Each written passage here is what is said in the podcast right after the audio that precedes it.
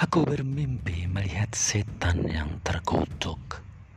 Seakan-akan aku berada dalam sebuah kerumunan besar, lalu melihatnya, dan aku ingin menumpasnya. Setan itu berkata kepadaku, "Kenapa kau mau membunuhku? Apa salahku? Jika Allah menentukan keburukan, aku tak kuasa mengubahnya menjadi kebaikan." Jika Allah menentukan kebaikan, kuasa mengubahnya menjadi keburukan.